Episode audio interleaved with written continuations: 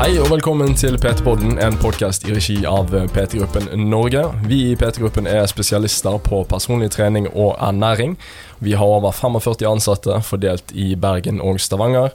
Og hvis du har lyst å booke en gratis og uforpliktende konsultasjon med en av Med en av mine kollegaer, så kan du gå inn på ptgruppen.no og få mer info der. Mitt navn er John Hauge, og i dag har vi med oss Tor Helge Myhre. Ja. Dag. Tor Helge Myhre fra Antidoping Norge. Jeg skal ikke snakke om doping i dag, Nei. men uh, det er noe litt annet vi skal snakke om, så jeg ser fram til å være med på podden. Fantastisk, velkommen. Så har vi òg med vår vante sjef og eier og grunnlegger og world champ Christian Martinussen. Har ikke du flere superlativer? Jo, men min- det passer seg ikke på, på podcast. Takk for det. Ja, i dag skal vi snakke om PT-yrket. Mm. Du har god bakgrunn innenfor dette her. Ja, jeg har jo uh, sjøl jobba som, uh, som PT sammen med Christian i sin tid. Nå begynner det å bli ganske mange år siden. Uh, jobbet sammen med Christian i to år.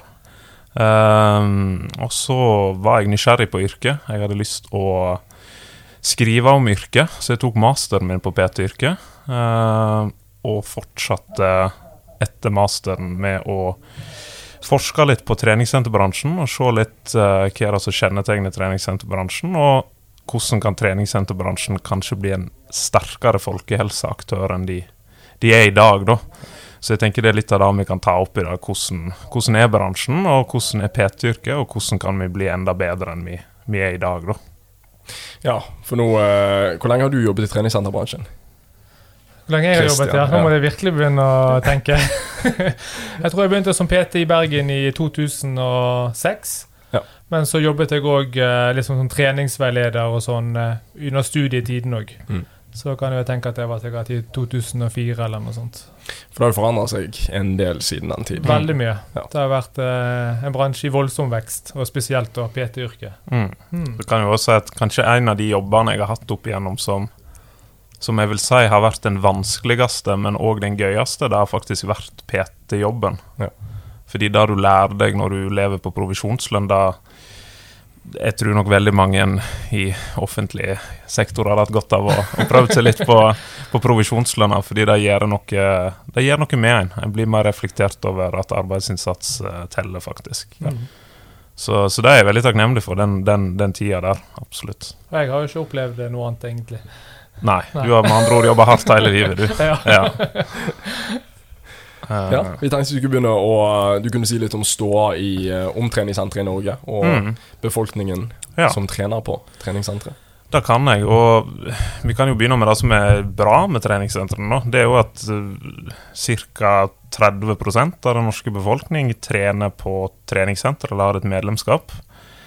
Treningssentrene er den desidert største aktivitetsarenaen for den norske befolkning. Og det som en ser tydelig nå, som jeg vil sikkert anta at dere òg ser, er jo dette med styrketrening. Eh, Og den individuelle treningsformen. Det er det befolkningen ønsker. da.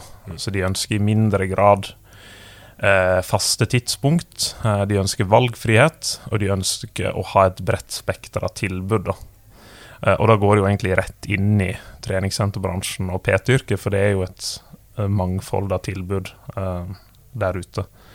Um, og så var det litt som vi snakket om før vi gikk på, at befolkningen er jo forbrukere. Altså det er jo de som bestemmer hvilke treningsformer som skal bli populært. Og de som vi egentlig kan takke for at vi har et PT-yrke i dag, er egentlig PT-kunden. da. For hadde ikke de ville ha kjøpt produktet, så, så hadde ikke vi hatt jobb, da. Eh, Mm. Ganske enkelt. Um, så jeg tenker da at det som, det som kjennetegner de som trener på treningssenter, er at majoriteten oppgir eh, fysisk, altså bedre fysisk form, eh, bedre helse, som, som et av primærmotivene for å trene på treningssenter. Det som derimot er interessant, da, det er at de som ikke trener på treningssenter, de tror at de som trener på treningssenter, gjør det for å se, se bedre ut. da. Mm. Og Det er en interessant dissonans, fordi når de på treningssenteret har en annen oppfattelse, så kan, kan det tenkes at bransjen har kanskje en liten utfordring med måten en profilerer seg på, da. Gjennom ulike plattformer. da. Mm. Så der tror vi kanskje er en, en vei å gå da, på hvordan vi ønsker å synliggjøre oss som en folkehelseaktør. da. Ja, for dette har vi både nevnt og snakket litt om tidligere. Eh, og jeg er en veldig stor fan av podkasten til Mats Kagestad og eh, Ole Petter Gjelle, Hjernesterk. Og der er det jo prat om forskjellige sykdommer og forskjellige lidelser. Eh, og hele ideen er at de snakker om hva styrketrening kan hjelpe for i forhold til epilepsi, diabetes, ditt og datt, alt mulig. Og jeg tenker at det, Du hører ikke mange i treningssenterbransjen promotere at de kan være med å forebygge sånne ting. Det er mer kom på trening, ha det gøy, se bra ut. Mm. Det er stort sett det det går i. Så det at de styrer jo òg sjøl veldig eh, hva oppfattelse de som ikke trener på treningssenteret, har av treningssentrene. Og av folk igjen, sånn som du sa, som går på treningssenteret. Mm. Så det at, eh, og du ser det jo igjen i kommentarfelt på diverse nettaviser hvis det kommer noe om treningssentrene. Ab absolutt. Og det har jo vært mye snakk om PT-yrket de siste årene i media. Det har vært mange saker rundt PT-yrket. Uh, mye berettiget kritikk, uh, og kanskje òg kritikk som kanskje har vært litt uberettiget, da. Mm. Eh, fra mitt ståsted, i hvert fall. Eh, jeg mener at vi nå må ta inn over oss at eh, PT-yrket er noe som befolkningen ønsker å benytte seg av.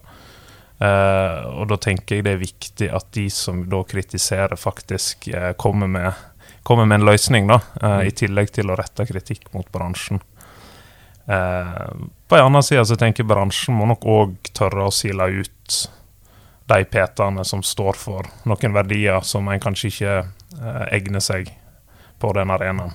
Mm. Og så Eh. tenker jeg at det er jo ikke alltid det bare har vært eh, PT-ene, men også verdiene til bransjen da, og måten de har markedsført PT-pakker på. Mm. Jeg husker jo når jeg jobbet eh, i gamle dager, så hadde vi PT-pakker som het Bikinis Don't Lie. Og det ble markedsført av Norges gjerne største aktør. sant? Og har man PT-pakker sånn som heter det, så er det bransjen som legger fokuset Mm. feil òg. Absolutt. Og det er, det er alltid sånn hårfin balansegang, for det, dessverre så selger kropp. Uh, hvis du pakker det inn på en god måte, da, så selger kropp. Uh, så jeg tenker der, der er det på en måte å finne den balansegangen da, mellom å på en måte akseptere at noen kan ha et estetisk mål med treningen sin. Eh, da tenker vi vi må ta inn over oss, men at ikke da blir det dominerende i den profilen en har. da. Eh, For vi ønsker jo at folk skal trene over tid på treningssenter. eh, Og vi ønsker jo gjerne å få med de inaktive inn på treningssentrene. da. Så der tenker jeg kanskje at, at eh, i et langsiktig perspektiv at bransjen kan bli enda tydeligere. da. Eh, For det er, det er nok litt for lett å si at en jobber med trening, ergo så jobber vi med folkehelse. da. Mm. For det er veldig mange som jobber med trening, men skal du være en folkehelseaktør, så, så, så, så må du faktisk ta noen kjipe valg, da. Eh, det tenker jeg er viktig. Eh, Hva, skal, hva legger du i, i det, da? det jeg legger i det, er at eh, en kan ikke selge alt, selv om en er kommersiell. Eh, sant? For vi er jo en kommersiell bransje, og det tenker jeg er helt fair. Eh, En skal få lov til å tjene penger på, på å fronte fysisk aktivitet og helse. Mm. Men det blir et dilemma da, hvis du som PT eksempelvis da, du får inn en kunde som, eh, som uh, har en utfordring, f.eks. Det kan være seg fysisk eller psykisk. Og så besitter ikke du som PT den kompetansen, men Mm. kunden er villig til å betale for en 60 timer. Da har vi et dilemma, da. Skal jeg da tørre å si at dette kan jeg ikke? Da taper du 60-timene. Det, det er god inntekt å ha for en PT. Eh, og det er kanskje der vi må bli litt tydeligere på. da. Hva skal vi ta på oss av PT-klientell, og hvilke type PT-klientell må vi henvise? da. Mm. Derfor syns jeg det er veldig bra å se at, at de ikke har behandlingsrom, de ikke har eh, dere tenker tenke tverrfaglig, eh, lav terskel for å sende en kunde videre. Da, da tror jo jeg er nøkkelen. da. Eh, men det er vanskelig å si 'jeg veit ikke, jeg kan ikke hjelpe deg'. Det, det sitter langt inne, uansett Mm. hvilket fagfelt du tilhører. Jeg har jo erfaring av at eh, For jeg, jeg følte at jeg var veldig flink til å si det. På, på mange forskjellige mulige måter. Enten det var kosthold eller behandling. Men iallfall de tingene som jeg ikke var utdannet til å takle. Jeg kunne ha kunnskap om dem, men jeg hadde ikke noen formell utdannelse til å liksom, hjelpe noen med. Så min erfaring er at hvis jeg var flink til å sende folk videre, så kom de tilbake igjen. Fordi at jeg viste Jeg fikk tillit av de med å vise min ærlige sannhet. Sant? At nei, men jeg, jeg, kan ikke, jeg kan ikke si til deg at Du, jeg kan fikse kneskaden din, jeg. Bare kom inn, har du. Eller jeg kan lage kostholdsplaner til deg. Bare kom inn, du. Jeg sendte de videre. Mm. Og du får både et bedre rykte, men du får mest sannsynlig kunden tilbake igjen. Hvis du er ærlig med dem fra begynnelsen av. Absolutt. Og vi er bare nødt til å gjøre det. Mm. For jeg, jeg er ikke fysio. Sant? Eller naprapat. Eller Mm. klinisk ernæringsfysiolog. Sant? Ja, jeg tenker det er kjempeviktig, fordi PT-kunden, den klassiske PT-kunden, veit ingenting om trening. Så det du som PT sier, det tror de på. Mm. Altså, jeg, jeg vil nesten tørre å påstå at du kan få en PT-kunde til å gjøre hva som helst på et treningssenter. Ja. Eh, fordi vi har så stor makt, da. Så der tenker jeg den, den, der tror jeg er viktig å anerkjenne hvis du er PT, at du besitter faktisk en vanvittig stor makt til å kunne påvirke et liv i positiv retning, men òg faktisk negativ retning. Ja.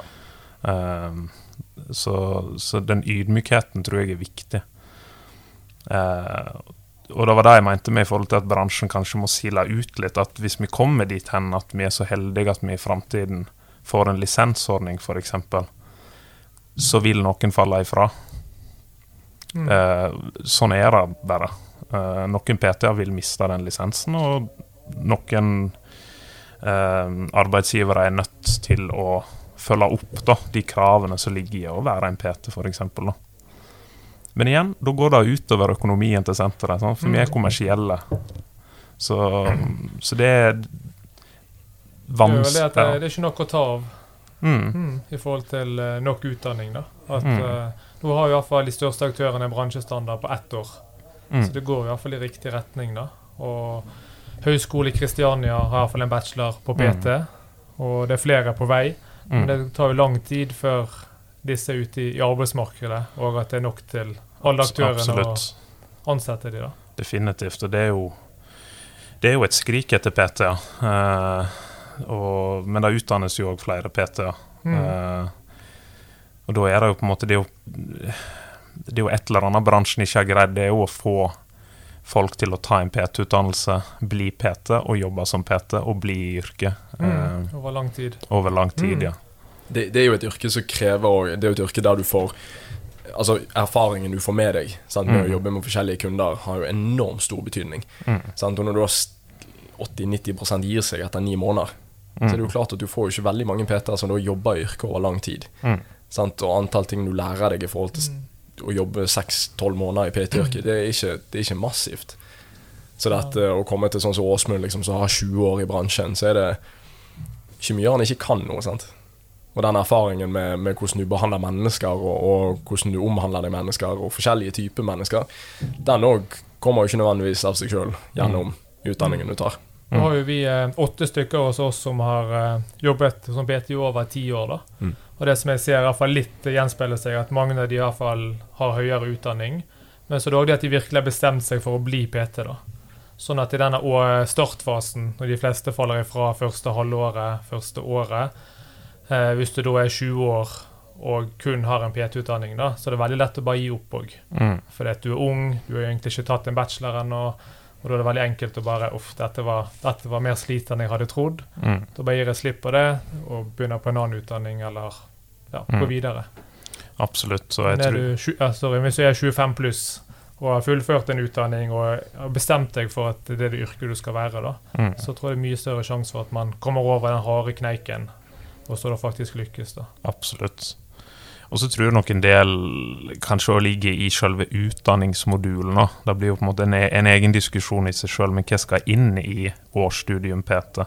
Nå blir jo det praktisert på forskjellige måter fra utdanningsinstitusjon til utdanningsinstitusjon. og eh, Jeg tror det er på tide å sette seg ned eh, og ta et steg tilbake da, eh, og faktisk definere PT-yrket. Altså hva skal en PT gjøre?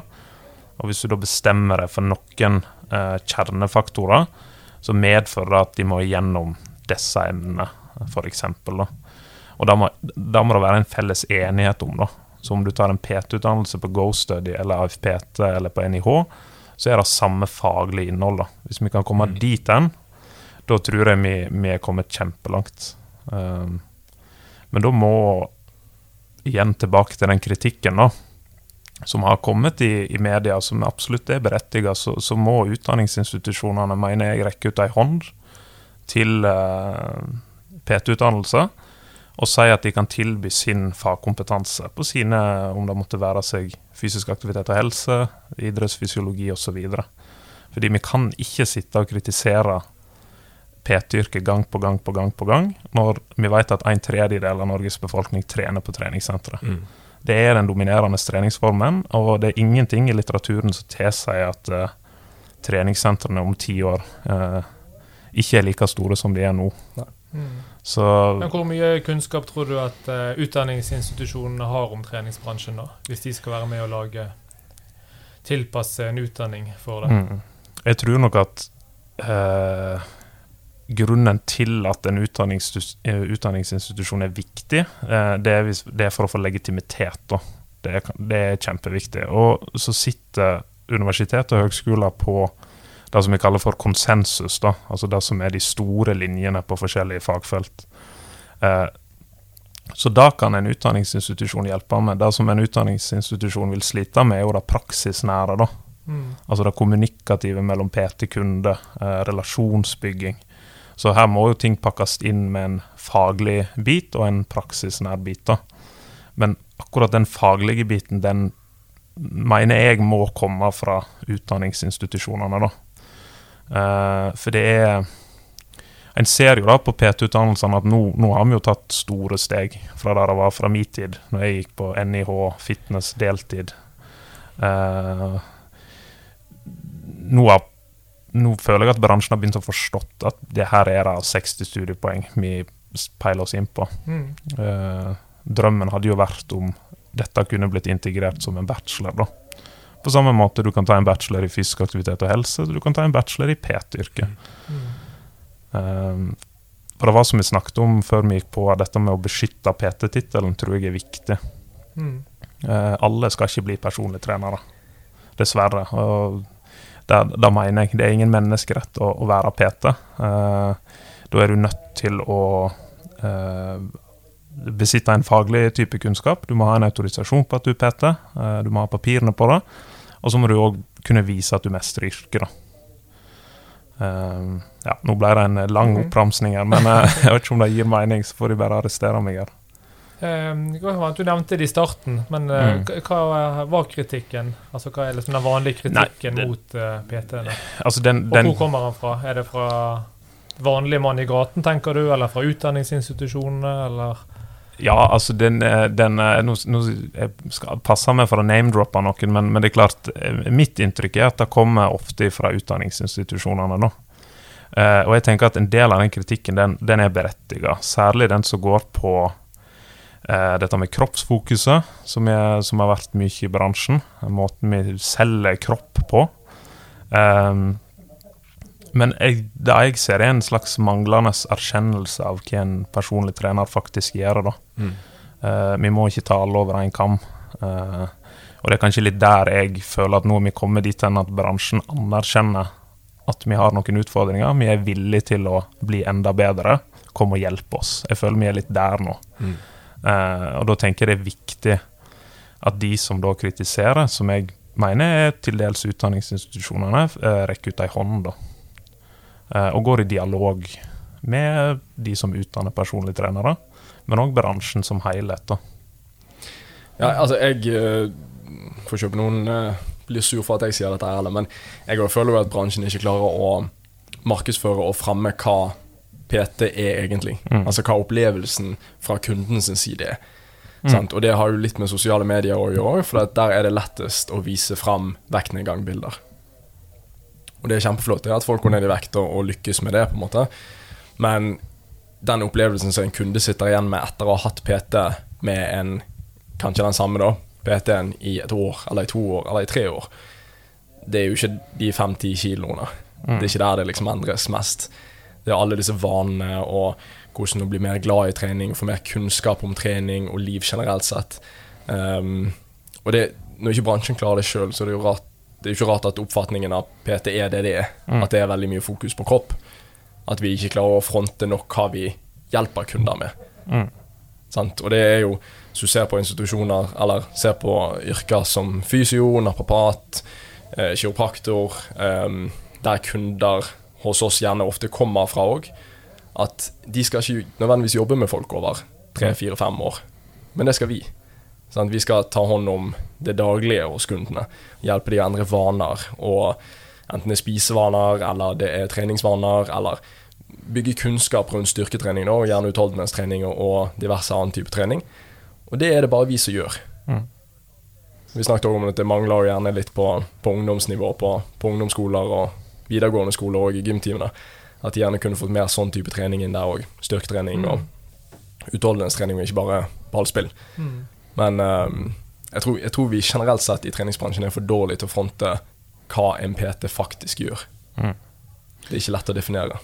Absolutt, og det, det var noe jeg beit meg merke i når jeg skrev min master på PT-yrket og gikk gjennom litteraturen på yrket, at det, det, er gjort veldig lite forskning på PT-yrket. Eh, det er jo gjort forskning på, som har sett nærmere, nærmere på hva effekten er av å trene med PT eh, versus uten PT, og det viser jo at eh, det å trene med en personlig trener altså gir signifikant bedring på noen fysiologiske parametere. Men til og med i sånne studier så sliter en jo med å definere en personlig trener. Så det som jeg tror er lurt, er å Litt som du er inne på det, altså, vi må ha et styringsdokument for dette er en personlig trener. Mm. Det er dette en personlig trener skal gjøre. Eh, har kunden kontraindikasjoner, typ tegn og symptom på spiseforstyrrelse, eller måtte være seg diabetes type 2 eller sånn og sånn, så bør personen henvises til eh, Jeg tror vi må ned på det nivået. Ja. Uh, for per nå så kan en PT konstruere sitt eget PT-yrke i yrket.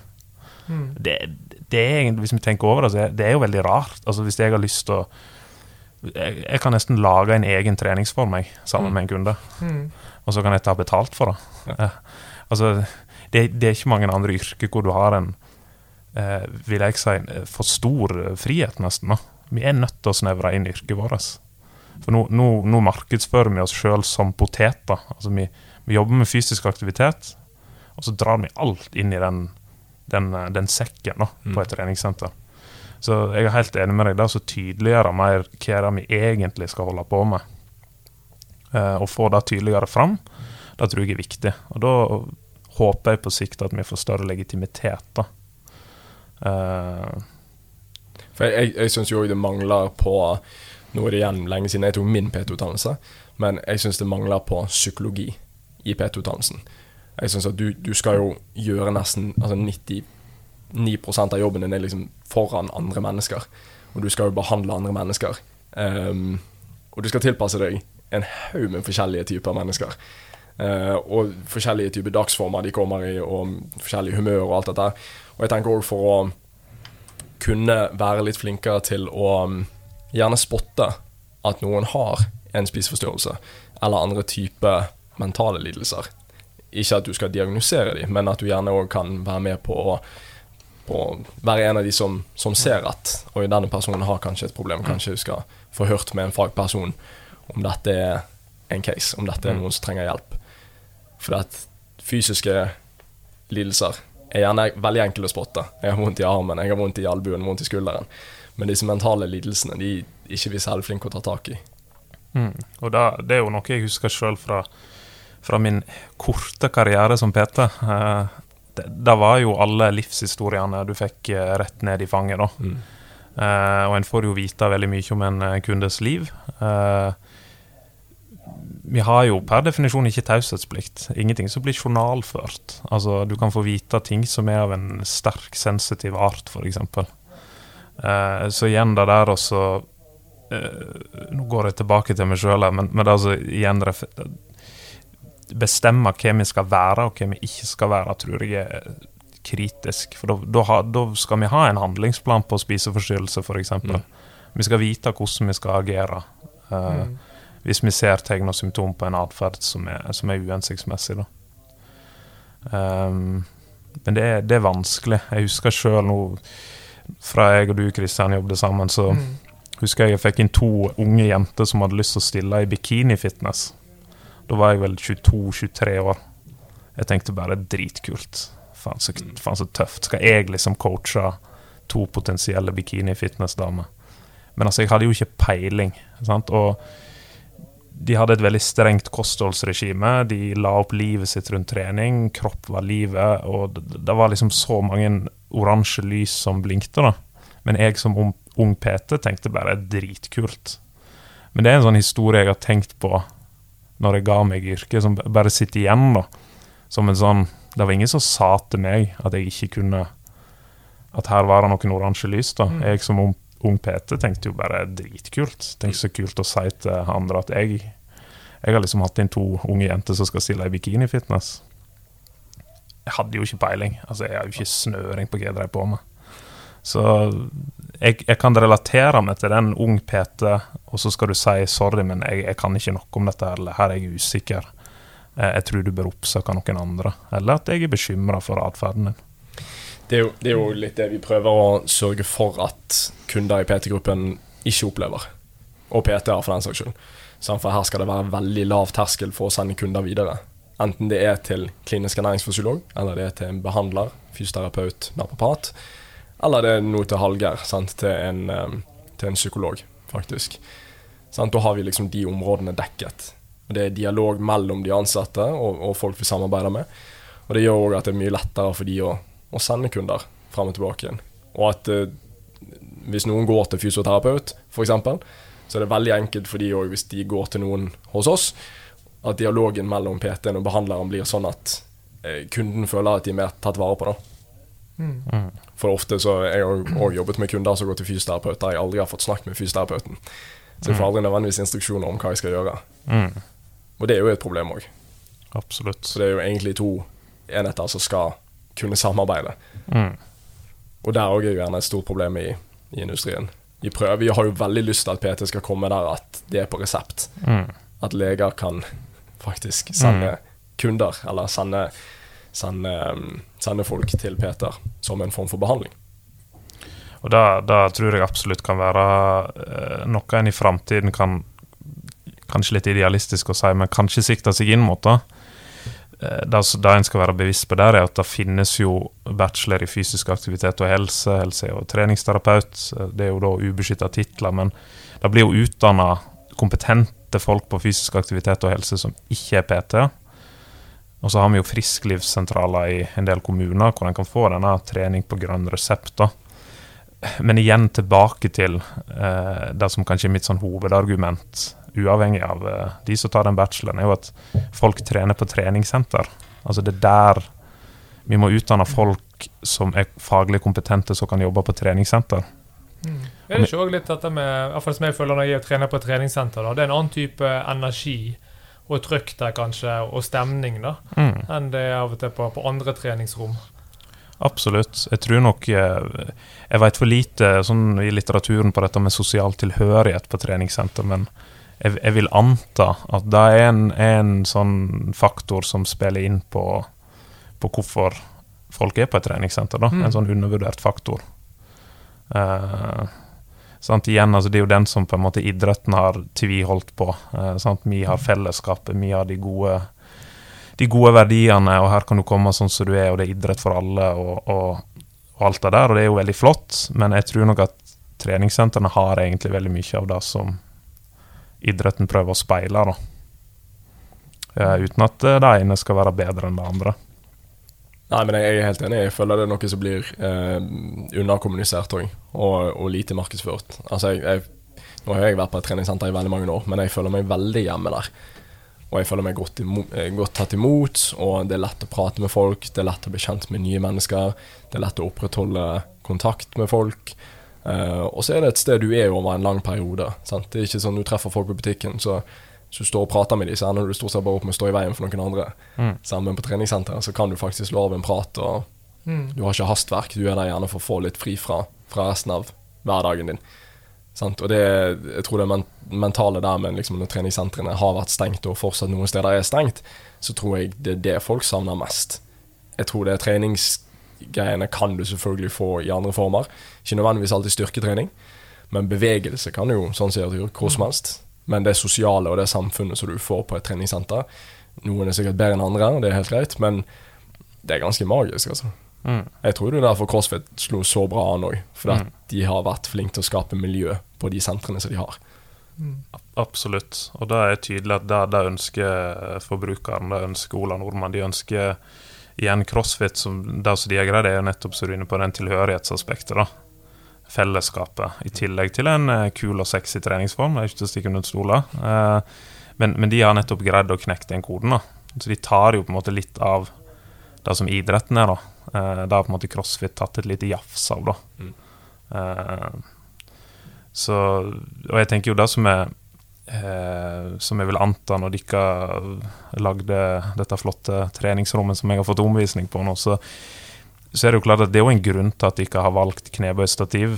Eh, det er vekter her, eh, det er styrketrening. Det er ikke, det er ikke lina opp med bosuballer, på en måte. sant? Og, og, eh, men, men, det fins treningssenter som, som, som, har det, sant? Mm. som tilbyr eh, treningsformer som er så langt ifra eh, det som er en eh, rent sånn treningsfysiologisk egna treningsform. Ja. Men, men, de selger det, og de prissetter det kanskje i det øvre sjiktet.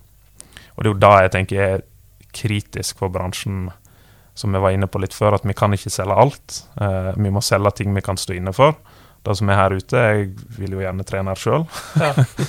og du har ikke lyst til å gå på trampolinetimer? Jeg er ikke så gira på trampolinetimer, altså. Det, det jeg, jeg, tror det er viktig, fordi dette er noe en kan stå inne for. Sant? Det, det er ingen som kan kritisere at de ikke har Leico-utstyr mm. eh, på en måte. Så det at bransjen på sikt tør At vi tør å si at vet ikke, denne treningsformen her, det er kjempeflott og kult tilbud, men, men det er faktisk dette her som er de, de mest egna treningsformene. Hvis du ønsker å forebygge beinskjørhet, eller du ønsker å komme i bedre form, så er det en viss form for tung mekanisk styrketrening du må igjennom. Mm. Og Så kan vi gjøre den styrketreningen på mange kule, gøye måter. Men, men det blir litt sånn Mitt inntrykk er når produktet blir prisa i det øvre sjiktet, og det er fullstendig jalla treningsform, det er da jeg tenker her skyter bransjen seg sjøl i foten. Mm. Det holder ikke at det er bare gøy, altså, hvis noen syns det er gøy. Nei, og der, der igjen, sånn, Det er jo litt sånn utfordringen. Sånn, fordi at Forbrukeren de har ikke peiling. De mm. De går inn på et treningssenter, så ser de Bosuballene og trampolinene, og så tenker de dritfett. Det er sikkert sånn alle trener. Her skal jeg betale 1000 spenn i måneden for å trene. Ja. Og hvis jeg skal være litt eh, direkte, da, så mener jeg at der, der lurer vi forbrukeren. Sånn, for de har ikke peiling. Mm. Ingen har peiling på trening. Det er, det er lavt kunnskapsnivå om trening. Mm. Og igjen, det er jo der vi som PT og bransjen besitter den makten til å definere trening. da. Så, men igjen, ja, kundene vil jo kjøpe trampolinetrening. sant? Ja, de syns det er gøy. Ja, sant, og det, det, Kanskje de får lov til å kose Jo, og det er interessant. ja, ja, og det er kjempeinteressant, fordi ja, men det, det, det, er et legitimt poeng å si at ja, men forbrukeren vil jo kjøpe. da. Skal mm. vi da si nei, du skal heller trene knebøy fordi ja. bruker det som et eksempel. Da. Ja. sier ikke at jeg kun er knebøy, men Du kan ta mark òg. Du kan ta mark, og du kan ta benk. Du kan ta benk. Oh, yeah. Det, uh, og det, det, er utfordringen hvis forbrukeren ønsker å kjøpe. da. Mm. Uh, men jeg tenker at her, her, må vi møte oss litt på midten. Uh, det er ikke sånn at alle skal trene tung mekanisk styrketrening. men det går ei grense for hva vi, kan, hva vi kan tilby den norske befolkning. Mm. all aktivitet er god aktivitet. Men jeg mener det er etisk problematisk. Uh, etisk og moralsk dilemma hvis du selger et produkt som du rent faglig sett ikke kan stå inne for. Da. Mm, mm. Og, og, da kommer kritikken. Mm. Det, det, er da vi får eh, På sikt tror jeg kan få, kan få negativ omtale rundt yrket vårt. da.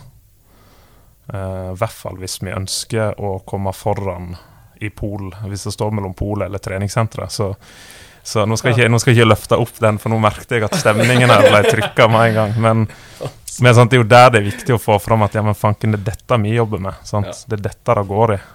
Um, tror, du, tror, du, vi klarer å komme der at vi får treningssentrene til å bli sett på som en institusjon for folkehelse? Eh, det er jo det egentlig, men mm. om, om, vi klarer å få det til å bli sett på som det fra utsiden, fra de som ikke mm. går på et treningssenter For jeg forstår godt at folk at noen frastår treningssenteret, eller mange gjør selvfølgelig, men, men når liksom 30% av Norges befolkning faktisk går på, tre, på et treningssenter, så De som går på et treningssenter, vet jo ofte hvorfor de går der. De vet hva de får ut av det. Mm. Sånn, spesielt folk som har fått gode resultater, vet hva de gjør for de som både mentalt og uh, fysisk. Uh, og både jobbsammenheng og hverdagssammenheng. Sant? Men veldig mange som på utsiden som aldri har vært på treningssenter, som kommer inn for første gang og bli, kanskje blir litt sånn overrasket over at det var mye mer sånn som det er, enn hva de hadde forventet. Mm. Uh, altså at det blir sett på fra utsiden som ja, trampoline og boseballer, og, og, alt skal bare være gøy og bla, bla, bla. Sant? Men det skal være gøy, det er ikke det. Men, men jeg tror vi gjør en veldig mye bedre jobb enn hva vi får skryt for, sånn Mm. generelt sett. Mm. Og det, jeg, jeg håper jo at vi kan komme dit hen at treningssentrene får, får uh, sin posisjon som en folkehelseaktør. da. Så er det jo alltid Om, om vi nå tar, tar vi folkehelseansvaret vårt, da. Ja. Igjen, altså, jeg tror steg én er å få luka vekk aktører som vi ikke ønsker å ha i bransjen vår. da. Uh, tar det bare et eksempel, ikke at en skal ta det vekk, men altså er fitness noe en skal assosieres med? Skal, skal typ eh, personer som utelukkende fronter kropp, er det noe bransjen ønsker å ha inn i, i det som vi definerer som treningssenterkulturen i Norge? da? Det er bare et eksempel. Jeg sier ikke at vi skal ta det ut, men, men det er et sånt eksempel på et dilemma som vi må ta opp på et tidspunkt. da. Skal vi, skal vi sette heller det på Skal det være noe annet? Skal vi si fitness er der borte, og så har vi treningssenter her. Per nå så er alt i samme gata. da. Det er jo de som er den dominerende aktøren på sosiale medier, Mm. som fronter treningssenteret. Det er jo stort sett fitness, Ja. fitnessutøvere. Mm. Så jeg tror nok at der, der må nok kanskje bransjen ta en, en, en liten eh, jobb først, da, før vi kommer dit. Og så tror jeg nok òg at det, eh, det er jo ingen offentlige midler som blir tildelt treningssenteret. Eh. Det er jo en stor forskjell på NIF og kommersielle treningssentre. Det er ingen eh, offentlige midler som, som blir bevilga. Gjerne til disse studentsentrene, kanskje. Ja, det er De er et hederlig unntak der. Ja. De, det er, for å si det sånn, det er en grunn til at, eh, til at de, eh, de har det utstyret de har, da, for Ja. å si det sånn. Det, der går pengene tilbake til, til driften, da. Ja. Uh, Mista jeg litt tråden min her, men jeg, jeg, jeg tror jeg, jeg tror at bransjen kan, kan komme dit hen, men, men samtidig så tror jeg vi må bare anerkjenne at vi er kommersielle. da. Jeg tror det er viktig å på en måte anerkjenne at vi, vi selger produkt, det er det vi gjør. Eh, vi kommer nok ikke til å komme dit som f.eks. idretten er, for de har en helt annen posisjon i Norge. Eh, det som jeg tror vi må gjøre for å komme dit hen, er det at det må forskes mer på effekten av å trene med PT. Da. Det må forskes mer på hvorfor folk trener på treningssenteret. Eh, hva som er mulig å oppnå på treningssenteret. Eh, for å synliggjøre faglig sett da, gevinsten med å trene på treningssenteret. Eh, jeg vet ikke om det er gjort noen studier på det, men det hadde jo vært interessant å regne på samfunnsmessige kostnader med å trene på treningssenter. Altså den folkehelsegevinsten som rent økonomisk sett ligger i å trene på et treningssenter. da. Mm. For vi vet jo at inaktivitet er den største utfordringen eh, for folkehelsa.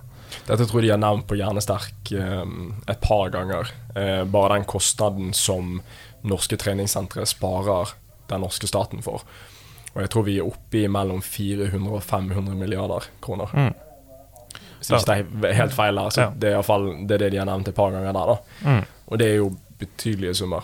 Absolutt. Uh, så jeg tror nok at uh, at vi må synliggjøre altså faglig sett eh, den gode jobben som blir gjort. da. Ja. Mm. Nei, jeg, jeg, tror jo bare det at den rollen som vi har Altså vi har et ansvar som enten som PT-aktør eller som treningssenteraktører har. eh, og å informere mer om hva styrketrening og, og fysisk aktivitet generelt sett da, For det er jo fysisk aktivitet er jo et produkt de sånn sett tilbyr. Mm. eh, hva det forebygger. Sånn, hvor mange liv kan vi egentlig redde med å få flere inn på treningssenteret, eller få flere i gang med, med PT, da, f.eks.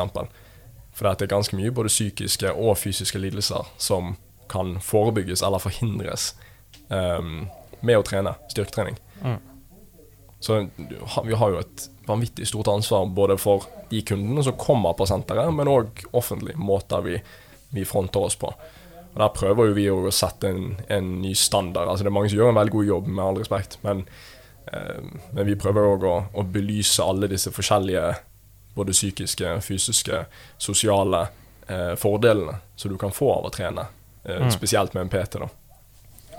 Absolutt. Så um, jeg, jeg tror nok bransjen eh, kan, kan komme langt i framtiden, men jeg tror nok at vi, vi er veldig fragmenterte. Det er jo litt av det som er utfordringen. Altså, PT-gruppen er jo blitt noe ikke jeg, ganske store, eller blitt veldig store, eller jeg vet ikke hvilke ord jeg skal bruke. men ja, Blitt verdensledende på PT. ja. Uh, og, jeg tror jo litt av det å samle sammen ulike altså Du har PT-gruppen, du har kanskje noen andre oppe i nord, eller du har noen nede i sør. Det å samle at vi, blir, at vi blir en enhet, da. Uh, fordi det tror jeg vi kan gjøre uansett, utenom vi, utenom vi får med oss en utdanningsinstitusjon. Mm. Så kan vi snakke sammen på tvers, da. Mm. Uh, uten at vi skal tråkke i hverandres PT-klientell. Mm. Det er altså enest. Nå sitter jo vi her, og så har vi Sats Bergen ved siden av oss som har sine PT-er. men, men, men, så jobber en kanskje helt forskjellig, har helt forskjellige krav, har helt forskjellig tilnærming til yrket. da. Uh, jeg kunne jo gjerne tenkt meg å rusle inn på Satsbergen jeg, og, og, og hørt hvordan de gjør det der. Uh, for, å, for, å, kunne enes om hvordan vi jobber som PT-er. Mm. Det er litt mer eh, standardisering, da? Ja, mm. det, det, tror jeg er viktig. Mm. Vi, vi, føler jo òg eh, Altså, vi er veldig opptatt av å promotere oss, og promotere hva vi gjør, og hva våre PT-er kan hjelpe folk med, eller, eller våre KEF-er og behandlere. Men vi har jo et større mål, og det er jo å bygge opp hele omdømmet til PT-er. Sant? For det er jo en industri som, som, alle vi tre og alle som jobber i mm. PT-gruppen, har vært i ganske lenge. Alle det?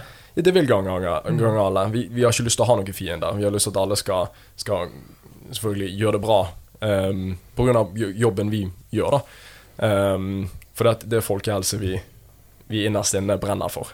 Mm. Vi vil selvfølgelig at PT-gruppen lykkes, og at alle våre PT-er gjør det veldig bra. Men det vil jo òg hjelpe våre PT-er og våre PT-er i framtiden at vi øker omdømmet til PT som et yrke, og hele bransjen. Mm. Og få fram mer av disse gode historiene som kommer ut fra kunder, og, og generelt sett belyser mer hva Peter faktisk gjør, og den gode jobben som, som ekstremt mange Peter gjør. Mm. Så dette, vi, vi, jobber for yrket generelt sett òg, og ikke bare ja, Vi prøver å bruke vår plattform for å, for å fronte, fronte hele bransjen, og ikke bare oss hele veien. Da tror jeg absolutt det er nøkkelen i, i framtiden. Og igjen, det er veldig mange forskjellige måter å praktisere yrket på. Uh, nå har en jo sikkert sett at online PT har blåst seg opp som en stor uh, som en stor mulighet igjen. Sant? Det åpner jo opp en ny dør i en online PT.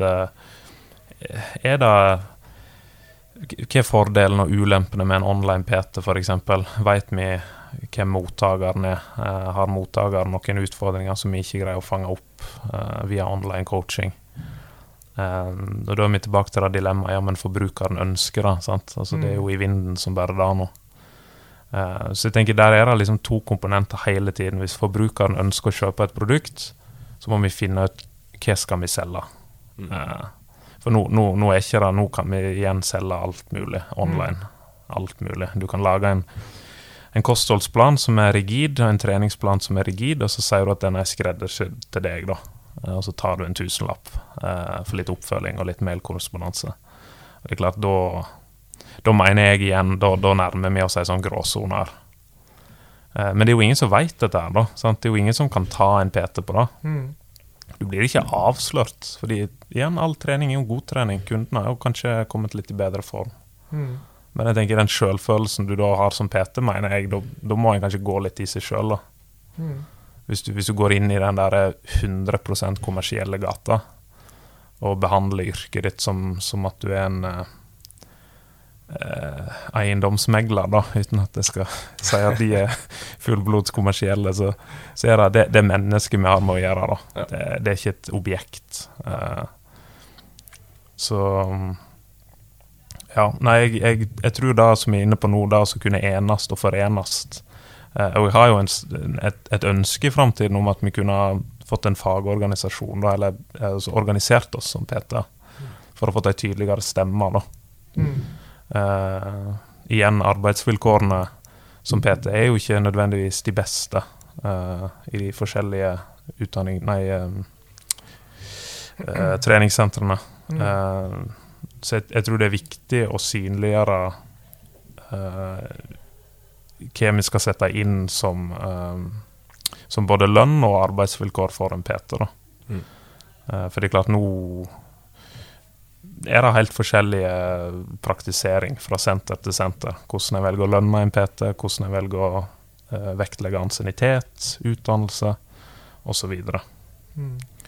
så største problemet der er at jeg tror mange har prøvd å knekke litt den koden der, Mm. uten å, å klart det. Ja. Og noe av den største utfordringen, sånn som jeg ser det, da, det er jo at du må være både selger og fagperson. mm, Og at i andre yrker, da, ofte, så har du en salgsavdeling som selger, og så er det en fagpersongruppe som utfører arbeidet som er solgt, da.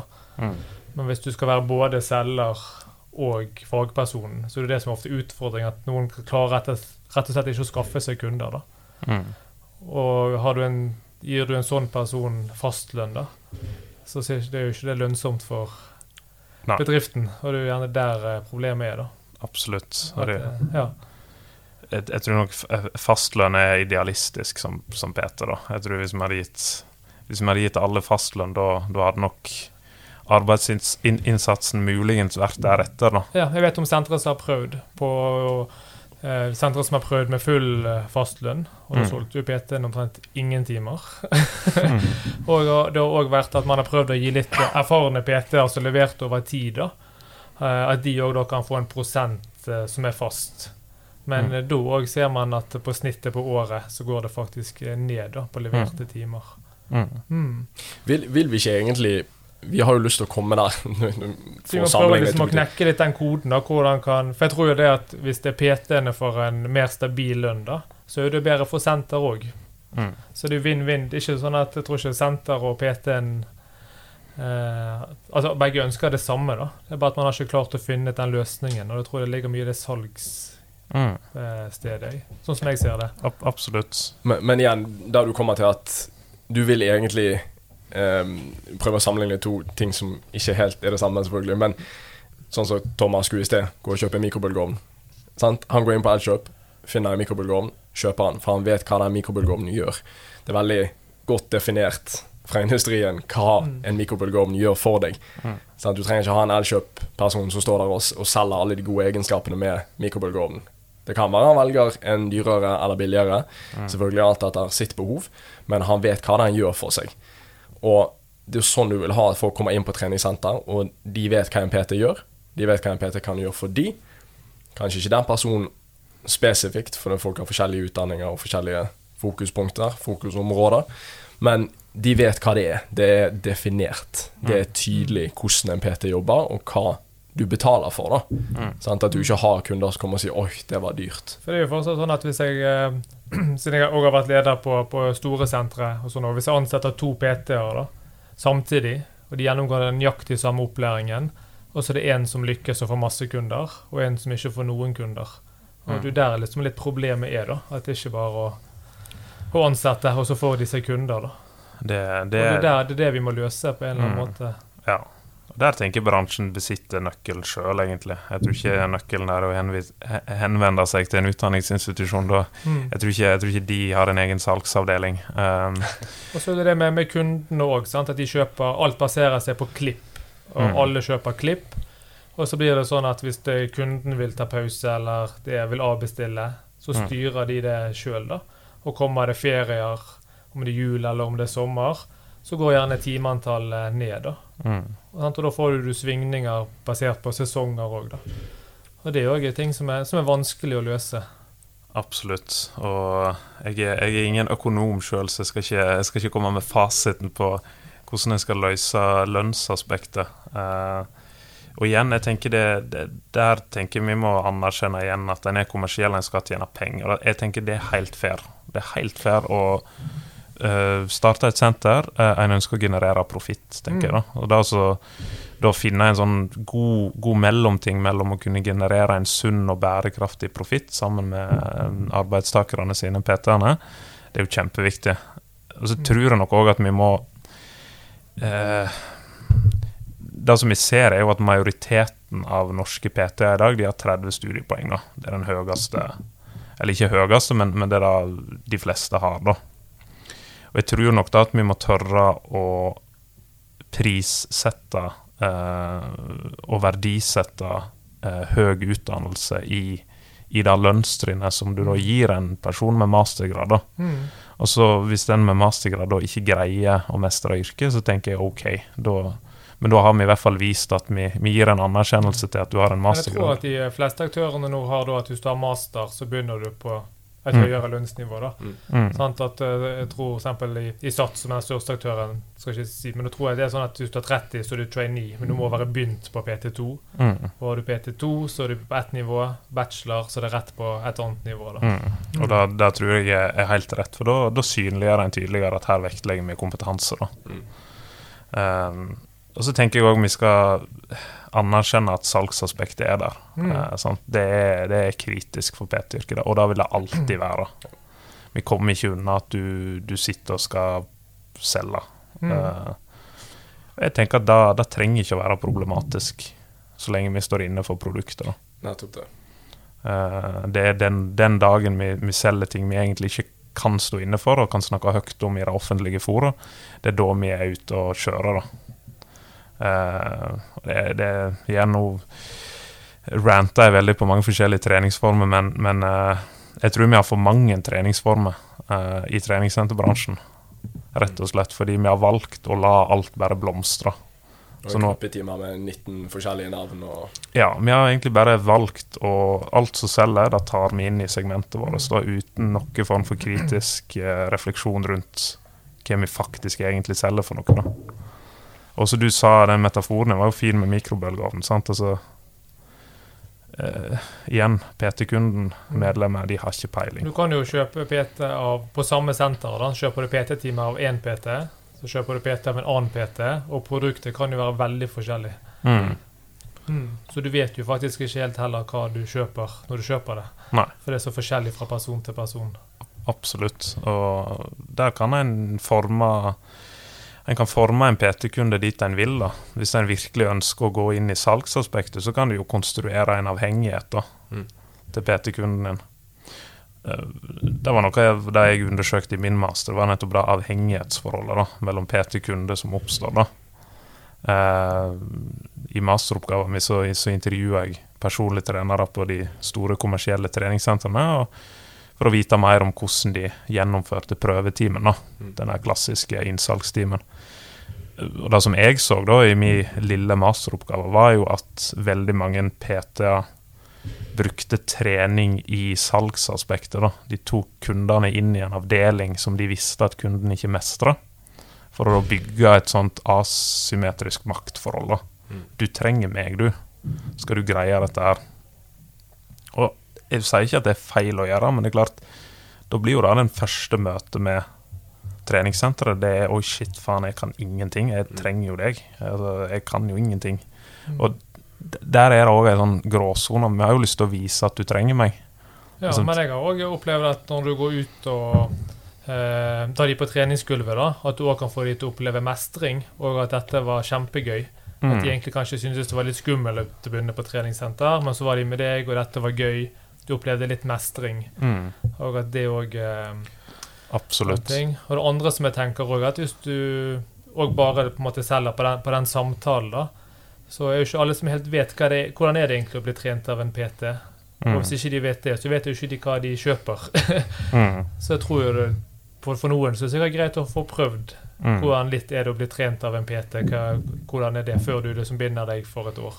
Absolutt. Så jeg tror det er viktig med en sånn prøvetime, og, og da i den prosessen være ærlig på hva du faktisk kan, eh, kan endre på kundens liv, da. Mm. Um, og det igjen, altså jeg tenker at i salgsaspektet som PT er viktig, det er kritisk, da må vi anerkjenne. Og så er det jo alltid en sånn hårfin balansegang mellom skal vi gjøre kunden selvstendig, eller skal vi holde på dem? Og igjen, da er vi liksom oppe i et potensielt dilemma igjen, sant? fordi det er lønna mi. um, du gjør en god jobb. Du vet at du kan stå inne for produktet ditt, men kunden er kanskje avhengig av deg, da. Og Jeg sier ikke at det er feil, men, men det er sånne ting jeg tenker er viktig å reflektere over som Peter. da. Hvis du har trent en kunde i fem-seks år, da, har, har du tørt å sette deg ned med kunden og, og sagt at jeg, jeg syns at du mestrer trening bra, jeg ønsker gjerne å trene med deg fortsatt, men jeg vil bare si at du, du, er, du er, fremstår nå som veldig selvstendig på treningssenteret. da. Mm. Det altså, det altså kunne tørre å ta en sånn samtale, eh, tror jeg faktisk kan nesten generere vel så mye salg som å, som å tviholde på at du trenger meg, du. Mm. Skal du greie å Ja, trene resten av livet. Det har vi jo, hadde vi jo en gjest, eh, fin gjest som heter Thomas Kroneg, som var veldig ærlig om. Sa Mm. det at han hadde mange kunder han som, som var utlært for lenge siden, Mm. men de ville fortsatt trene med han. Sant? Og det, dette var en del av hverdagen deres. Dette var noe de følte at de trengte, det, det push og den motivasjonen. Og eh, den pra eh, praten òg, egentlig. Mm. Sant? Så den gode opplevelsen hver uke, to ganger i uken. Um, så det, det skjer jo det. At du har kunder som har trent med deg så lenge at uh, du føler Absolutt. at teknisk nå, nå klarer de seg veldig godt sjøl. Mm. og trener nok veldig mye òg på, på, på egen hånd.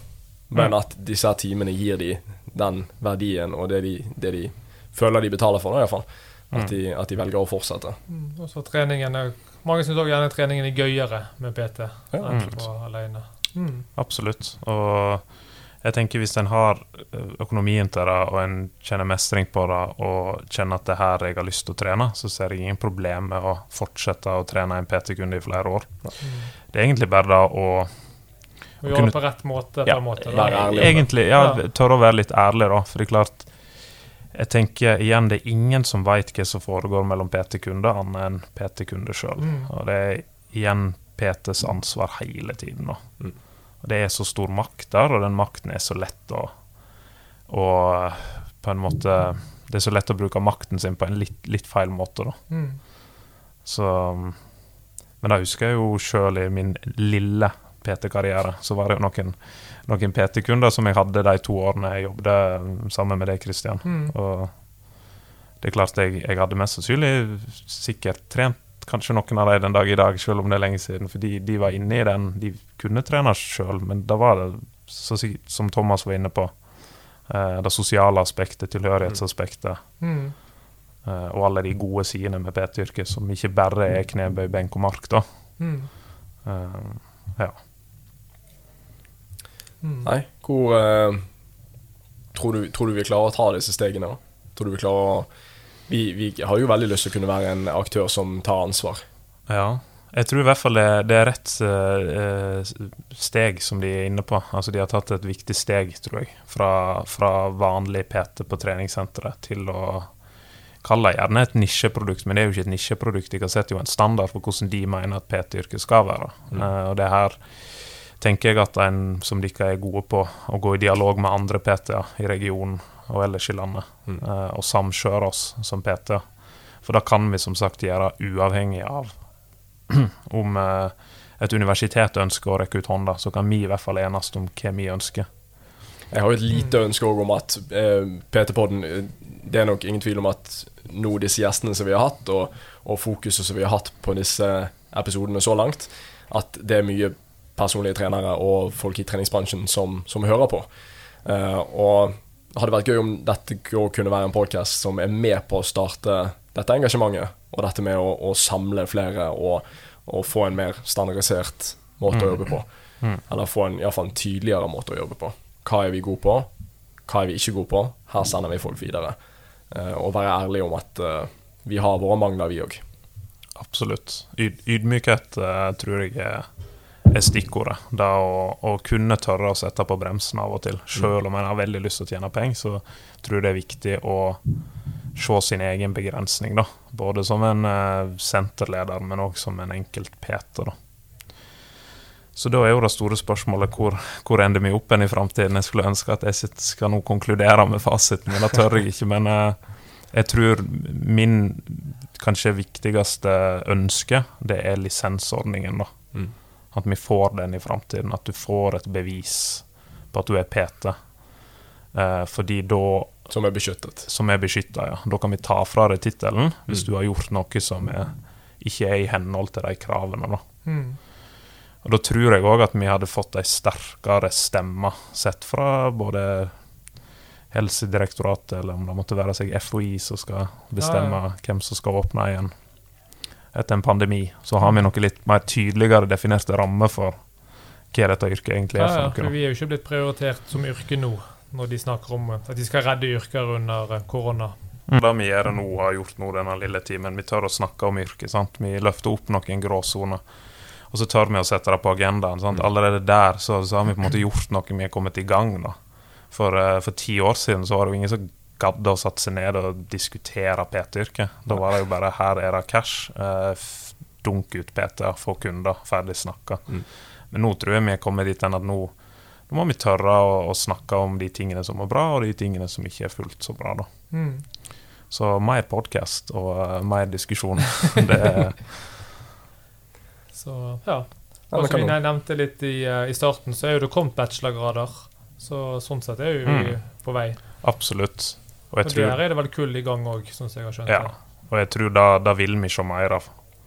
Uh, og da ser en jo tydelig òg på studieretningene. Altså Vi har fysisk aktivitet og helse, idrettspedagog, helse- og treningsterapeut. Altså Det er jo Mm. studier som er populære. Så jeg tror nok på sikt så får vi Så ser òg utdanningsinstitusjonene at her er det faktisk mulighet til å få studenter inn da Mm. på bachelor i PT. Mm.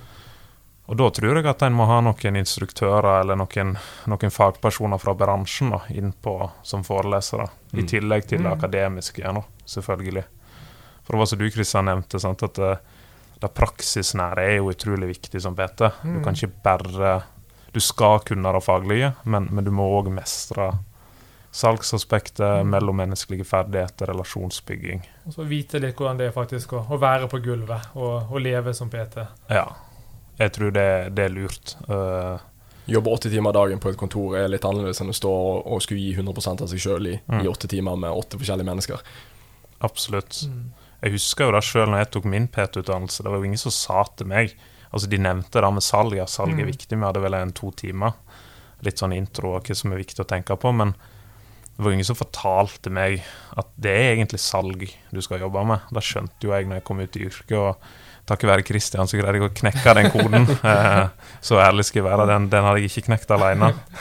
Um, og da altså tørre å på en måte si at det, det er en del av gamet, liksom. Mm. Du, har- du har lyst til å bli PT, greit, men, men det er et salgsaspekt der. Mm. Uh, og det har jo dere diskutert tidligere, det er nok sikkert en av årsakene til at det er et stort gjennomtrekk. En Mm. mestrer ikke salgskoden. Da. Og så er jo det at det er et eh, veldig selvstendig yrke. Sant? Du må jo òg ta vare på denne kundegruppen over tid, og vedlikeholde den, om det er nye kunder eller resalg. Og det er jo mye ansvar for eh, noen som gjerne har det som sin første jobb. Mm. Sant? At du er ute i din første jobb, og så skal du faktisk nesten drive for deg sjøl. Mm. Så ta vare på deg sjøl oppi det hele òg. Ja. Du, har, eh, du får ganske mye inntrykk i løpet av en dag. Mm. Sant? Ja. Du skal sitte igjen med det når du kommer hjem, og, og takle det du, det du får høre òg. Absolutt. Sånn som du sa tidligere, folk er veldig åpne Mm. sant? og kommer med veldig mye info. Mm. Og, og ikke alltid nødvendigvis lener seg på deg for å få råd, eh, Mm. for det er ikke den kunnskapen du besitter, men, men de sier det for det òg. Mm. Og du sitter igjen med inntrykkene, og det er ikke alltid lett å gå og bære på all den informasjonen som, som du besitter. Absolutt. Nei. Og så er det at hvis du begynner som eh, ofte på ny PT på et vanlig senter, da, så har jo du ingen fastlønn. Så du er ikke sånn at du må gjerne komme på jobb klokken åtte, og så har du en sjef som forteller deg nøyaktig hva du skal gjøre hver eneste dag. Eh, for det kan du gjerne ikke gjøre når du ikke tilbyr de, Mm. de lønn, da. Og da blir du ofte gående litt alene, og så vet du kanskje ikke er du gjerne ikke selvstendig nok da, til å Mm. gjøre alle de arbeidsoppgavene som eh, må gjøres for å skaffe seg kunder. Mm. Mm. Absolutt. Og jeg tror nok at vi skal Jeg tror vi skal ha et lite gjennomtrekk av PT òg, fordi da, da, da siler vi ut, på en måte. Jeg tror da, Sånn vil det nok alltid være. Mm. Det vil være personer som trekker inn i yrket, som slutter rimelig kjapt. Ut ifra det noenlunde lignende caser i terapeutbransjen òg, blant fysioterapeuter og sånne ting, at det er jo ikke alle som klarer å skaffe seg kunder der heller, Mm. selv om de eh, har en tittel. Mm. Og det, jeg tenker da er noe vi ikke Eller det er noe jeg i hvert fall ikke kritiserer, for det er rammevilkårene som PT. Det er spillereglene, på en Mm. måte. Og da må du akseptere, eller så må du finne noe annet å gjøre, da. Eh, det som jeg tror vi òg må gjøre for å liksom tviholde på PT-tittelen vår, da, det er jo da at eh, jeg tror kanskje vi må tenke litt igjennom eh, de som utdanner seg som PT. ja. Eh, så er det jo veldig mange som ikke velger å gå inn i yrket etter utdannelsen sin. da. Mm. Og da har vi jo potensielt mange hundre PT-er som har et PT-bevis liggende i boden, men, men de har aldri prøvd yrket. Mm. Det er jo litt synd, da. sant? Når, når uh, Lise på 48 tar PT-utdannelse, men hun gjorde det bare fordi hun ville lære litt mer om trening. Noe som er kjempeflott, men kanskje Lise på 48 heller skulle ha tatt en, en, et kurs om trening som heter noe helt annet, og så verner vi PT-tittelen. Mm. Eller kjøpt seg PT for de pengene istedenfor. Eventuelt en 60 timer. Ja. Ja. Ja. eh, Det kostet det samme. ja. Så jeg, jeg, jeg tror at det er litt lurt, da. Um, men igjen, det er jo det er penger å tjene på en PT-utdannelse. Uh, det, det er et stort segment der. Men jeg Mm. tror nok at det å være litt mer strategisk med når vi skal bruke den PT-tittelen, så må det ligge liksom noe i bunnen der, da. Mm. Vi ønsker jo ikke at det skal gå rundt mange PT-er i Bergen med et PT-bevis som, som de aldri har Nei, prøvd nei, og praktisert. Nei, det, det, det er et fantastisk yrke å komme inn i. Og hvis du lykkes, og, og opplevelsene og relasjonen som du bygger med, med kunder, det er eh, noe av det beste du kan være med på. Mm. Så det, at, eh, det er tungt, ja, og det er vanskelig, men, eh, men klarer du å komme over den kneiken i begynnelsen, og du klarer å leve på det, så er det, det er helt nydelig. Ja, Du kan jo leve av lidenskapen din. Mm. Og det er jo skikkelig gøy. Og Absolutt. Det er ikke, hvis du først har en lidenskap, da, og du òg kan bruke det i jobb, så er det Mm. ikke mye som er, som er bedre enn det. Definitivt. Mm. Så konklusjonen er da at jeg skal bli PT igjen. Det er vel det. Ja. Nei, så det, men jeg er helt enig. Det er en, det er en unik jobb, og det er, en, eh, det, er, det er kanskje en sær jobb i den forstand at det er ikke så veldig mange andre yrker du kan sammenligne det med. Mm. Uh, så, så jeg er helt enig med at PT-yrket er absolutt kommet for å bli. Og så blir det spennende å følge med utviklingen. Mm. Absolutt. Eh, Vi får ta en uh, oppdateringspod etter hvert. Uh, ja, vi får, vi, vi får gjøre det, så får vi, så får vi konkludere. Ja. Eh, ja. Det er viktig å holde oss til, holde oss til at vi faktisk prøver å gjøre noe med det òg. At uh, vi tar, skal ta store steg for for å utvikle bransjen og, Mm. og kvalitetssikre den i tillegg. Ja, så tenker jeg nå jeg må, jeg må tørre å si ifra hvis det kommer uberettiget kritikk i media, så må en, så må en tørre å gå ut og, og, og si imot hvis det er kritikk som ikke er berettiget. Må ha En talsperson for. Ja, for en må, må tørre å, å si ifra. Eh, det tenker jeg er viktig, for det er ikke, det er ikke alt nødvendigvis som har vært berettiget, etter mitt synspunkt. Eh, nå er det på tide, tenker jeg, å tenke positivt. Nå må vi legge bak oss dette her med at det er lav utdannelse, det er stort gjennomtrekk. Nå må vi heller se på mulighetene, da. Mm. Det har jo, Når du nevner det, da, så har det sikkert aldri vært flere flinke PT-er enn det er i dag. Og hvor faktisk hvor mange PT-er det er med bachelorgrad, er nok veldig høyt. Mm. Og med mastergrad òg, vet du om mange Mm. som jobber som PT. Ja. Selv om de ikke de er flertallet, så er det mange flere nå enn det var for fem år Mm. siden og ti år siden i hvert fall. Mm. Mm. Og så er det sånn at en skrekkhistorie med PT, det, det selger bedre da enn at uh, Uh, Ole gikk ned fem kilo og fikk bedre livskvalitet. på en måte. Mm. Det, er ikke det, som, det er ikke det som blir kronikk i Aftenposten. Det er, Nei, det er ikke klikkbart, det. Nei. Mm. Så, så, så det så du, så du er inne på, Jon, der, å kunne fronte de gode eksemplene på, på hva vi kan greie å gjøre med PT-klientellet vårt, er, er kjempeviktig. Mm. Og det er nok litt sånn at uh, andre òg gjerne lett hakker på PT, da, fordi at vi ikke har Mm. beskyttet og sånn, uh, og da for å fremheve seg sjøl. Mm, Absolutt. For at deres yrke er bedre, eller det er bedre at kundene går til Mm. de enn til en PT. Ja, vi har en skytetavle, sånn som Ja. vi snakket om på telefonen. Ja, ja. Det, og det er fortsatt den der Da Det husker jo Efex lengte etter med den Bali-PT-en. Mm. Altså, 'Å ja, du, ja du har vært på Bali, du.' Ja, ja, ja. Sant? Og solt deg og Uten at kost de vet hva utdannelsen gikk Ja. ut på, eller Ja. Så mm, vi tok et oppgjør med det i forrige podkast. OK. Ja. Men det er sikkert òg på andre terapeuter med vet ikke, sånne osteopater og sånne ting som ikke Mm. alltid har vært Naprapater har sikkert ikke alltid vært godkjent. Og da er det veldig lett for fysioen å hakke ned på de, da. Men de er jo ikke godkjent, Mm. sånn og sånn, for å fremheve seg sjøl, da. Mm. Mm. Og jeg tenker jo, Nå er vi jo der at altså, den vanlige PT nå er jo ikke på en måte Gunnar på 30 som går rundt i singlet sant? Og, og ser ut som Ole Bole sant? og er 120 kilo. Mm. Det, det er jo ikke den vanlige PT-en i dag. Det er jo De PT-ene dere har, det er jo vanlige folk. sant? Det er Vanlige treningsinteresserte unge personer Mm. som har en lidenskap for trening. Mm. Uh, og det er, jo, det er jo det som er majoriteten. Og så Mm. har vi da ugresset, da, som, som fortsatt er der, som vi må luke vekk fra PT-bedet vårt. Nei, det er litt av en jobb vi har foran oss. Men eh, vi står iallfall uh, Vi står klar for å ta, Mm. ta et stort ansvar. Som jeg syns vi skal gjøre. Vi jo, fokuserer kun på PT. Sant? Det er det Mm. vi spesialiserer oss på. Og vi har i, på logoen vår at vi endrer liv. Mm. Og det står vi 100% innenfor. Um, men det tror jeg skal gjelde livene til PT-en òg, Ja. ikke bare kundene. Så det skaffer skaffe bedre arbeidsvilkår og, og sørge for at bransjen får den an anerkjennelsen som vi fortjener, og ikke Mm. bare blir hakket på hele veien. For det er ofte igjen de historiene som kommer fram, og ikke de, gode, ikke de tusenvis av de gode historiene som Nei. egentlig kunne vært skrevet. Mm. Mm. Og vi jobber jo nå med Vi har jo um, han eh, Tony Tilrem, da, uh, som er ansatt hos oss, har nå en egen stilling der han jobber med en standardisering for oss. Så han uh, jobber jo aktivt med noe for å da heve og da minimumsnivået. da.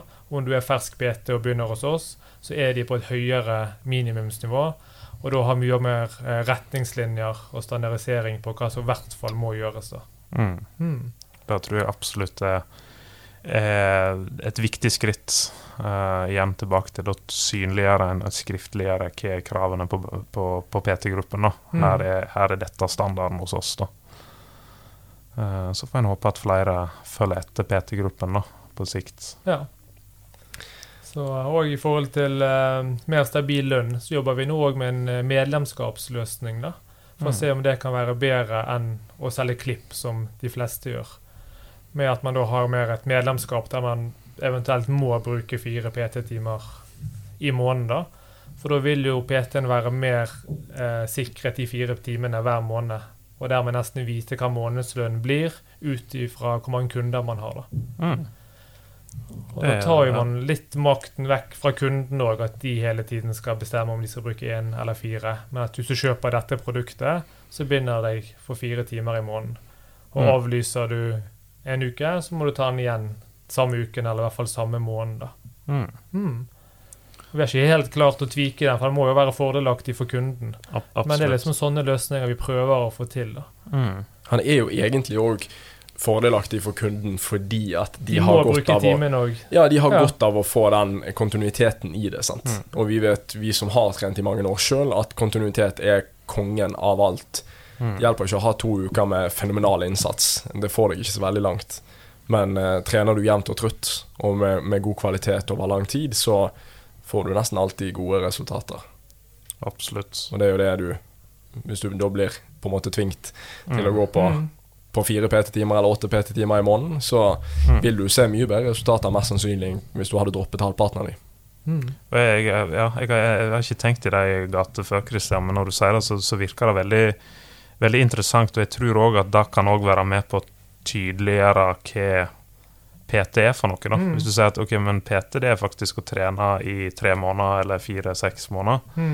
Mm. Eh, det er dette vi tilbyr. Det er ikke én time, fem timer, ti timer. Fordi Mm. da, da blir det den derre åh, blir det 60 timer, eller blir det fem timer? Ja. Vi vet jo at en 60 timer så kan du gjøre veldig mye. På fem timer så Ja, så er ikke det så veldig mye livsstilsendring vi får Mm. til på fem timer, da. Så jeg tror, ja, interessant Mm. vinkling der Og så fokuserer du enda mer på målet og istedenfor klipp. da. mm. Og bransjen, alle aktørene bruker jo klipp, og de fleste har til og med de samme pakkene med Mm. klipp. Så jeg tror vi må tenke litt nytt der, da. Absolutt. Spennende. Mm.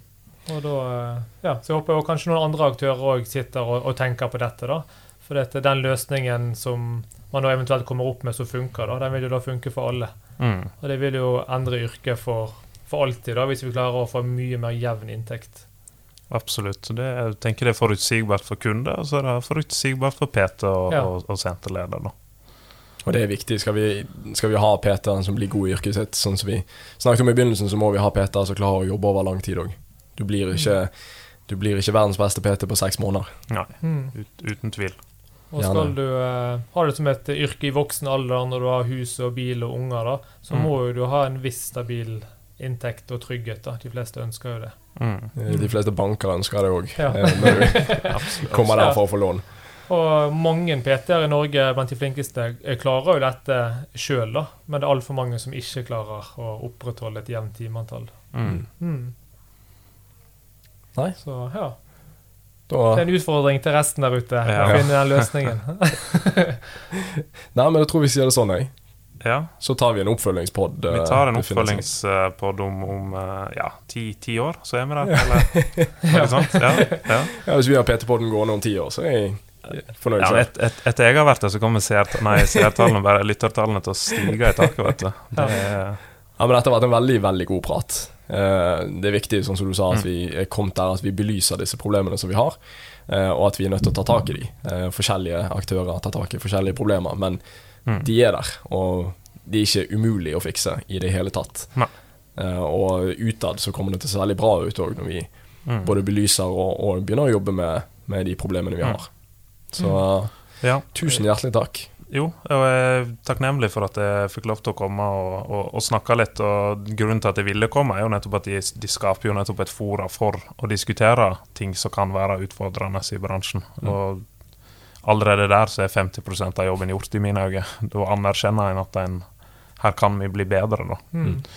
Så der, der eh, tar PT-gruppen et, et stort og viktig ansvar. Så takk for eh, oppmerksomheten. Det var Tusen takk Kjekt for å se deg igjen òg. Lenge siden vi har sett hverandre. Det er lenge siden, Kristian. Jeg har ikke glemt deg, og jeg har ikke glemt humoren din. På godt og vondt. Ja. Det tror jeg var viktig for meg. Ja, jeg husker du kalte meg for Teddy, husker jeg. Det var kallenavnet mitt. Helt, var det på godt, eller var det på vondt? ja, det er så lite maskulint å kalle meg for Teddy at eh, jeg får mindreverdighetskomplekser av det ennå. Super-Ted. Ja. Ja, Det er ikke alltid like lett å gå rundt på gulvet med, med world champ. Nei, det, jeg fikk passet mitt påskrevet et par ganger, husker jeg.